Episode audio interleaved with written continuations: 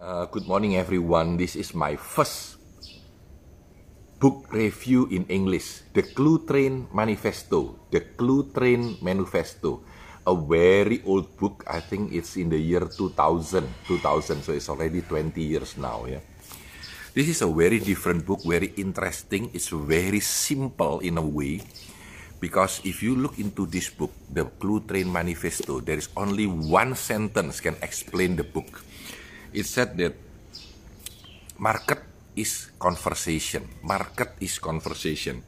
So the book called the Cluetrain Manifesto, the end of business as usual. This is a very old book, the year 2000, and during the Y2K, Y2K, yeah. So uh, I will read the opening of the books. Yeah. It was written by four people. It was written by four people: Rick Levin, Christopher Locke, Doc and David Weinberger. I'll start with the opening of the book. People of Earth, a powerful global conversation has begun. Through the internet, people are discovering and inventing new ways to share relevant knowledge with blinding speed. As a direct result, markets are getting smarter and getting smarter faster than most companies. These markets are conversations. Their members communicate in language that is natural, open, honest, direct, funny, and often shocking. Whether explaining or complaining, joking or serious, the human voice is unmistakably genuine it can't be fake. So this is the interesting book about internet yeah with the famous 95 theses there is 95 arguments that they say. I will try to pick some of the interesting arguments okay? Number 1 markets are conversations. Two markets consist of human beings not demographic sectors. Number 3 Conversations among human beings sound human. They are conducted in human voice. Number six, the internet is enabling conversations among human beings that were simply not possible in the era of mass media. Before the internet, everything in the advertising is in the mass media. So it's it's through television, uh, magazines, uh, newspaper, and such. Number nine. These network conversations are enabling powerful new forms of social organization and knowledge exchange to emerge. That's a number nine. Number 16, so I will jump a, a bit, yeah. Already, companies that speak in the language of pitch, like pitching, selling, and everything, the Doc and Fonny show, yeah, are no longer speaking to anyone anymore. Yeah. Number 20, companies need to realize their markets are often laughing at them. So this is a very interesting book. So that is the number 20. I pick a couple of the 95 uh, theses. Yeah? Number 25, companies need to come down from their ivory towers and talk to the people with whom they hope to create relationships. Number 31, network markets can change supplier overnight. Network knowledge worker can change employers over lunch. Your own downsizing initiatives taught us to ask the question, loyalty? What's that? Number 52. Paranoia kills conversations. That is the point. But lack of open conversation kills companies. Number 53, there are two conversations going on. One inside the company, one in the market. 73, you are invited, but it's our word. Take your shoes off at the door. If you want to barter with us, go down off that camel. 74. We are immune to advertising. Just forget it.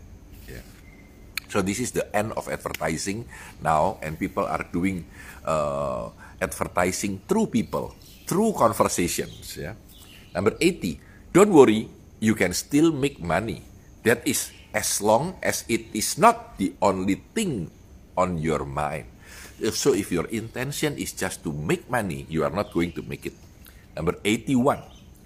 Have you noticed that in itself, money is kind of one-dimensional and boring? What else can we talk about? So money is boring. We can talk about something else. I will end with the 95. The 95, yeah. We are waking up and linking to each other. We are watching, but we are not waiting. This is very interesting books about the internet written in the year 2000 after the Y2K. So the books I read the books I think in January or February I can't remember. I think early I I, I read my notes. Ah. So I read my note there. So it's end of 26 January year 2000. I write it down delicious book Surabaya. Chapter 1. I will read a bit about the book. Yeah. We die. You will never hear those words spoken in a television ad. Yet, this central fact of human existence colors our world and how we perceive ourselves within it. Life is too short, we say, and it is. Too short for office politics, for busy work and pointless paper chases, for jumping through the loops and covering our asses for trying to please, not to offend, for consistently struggling to achieve some ever exceeding definition of success. Life is too short as well for worrying whether we bought the right suit, the right breakfast cereal, the right laptop computer, the right brand of underarm deodorant. Life is too short because we die. Okay, I will jump up into something else. I think this is a different kind of conversation. Yeah. So yesterday I want to do uh, the review and I want to translate some of the idea, but I think it's very difficult to translate some of the nice words. And when you translate the words, it doesn't uh, feel that well uh, anymore. So I try to speak in English. This is my first time, first time doing the review in English. Yeah, the Cluetrain manifesto. Yeah, hit one out of the park 12 step for internet business success. So the year 2000, 20 years ago, they write 12 things to do when you are doing internet business. Number one, relax. Number two, have a sense of humor. Number three, Find your voice and use it. Number four, tell the truth. Number five, don't panic. Number six, enjoy yourself. Number seven, be brave, be brave, be brave. Number eight, be curious. Number nine, play more, play more. Number ten, dream always. Number eleven, listen up. Listen to your market because your market is a conversation. And number 12, rap on. Keep on doing it. Yeah. So that's the very, very simple 12 things in the book. Yeah. And now I want to end the review with the last sentence in the book. Imagine a world where everyone was constantly learning. A world where you won when you won where you wondered when you wondered was more interesting than when you knew, and curiosity counted for more than certain knowledge. Imagine a world where you want to give away what you gave away was more valuable than what you held back. Where joy was not a dirty word, where play was not forbidden after your 11th birthday.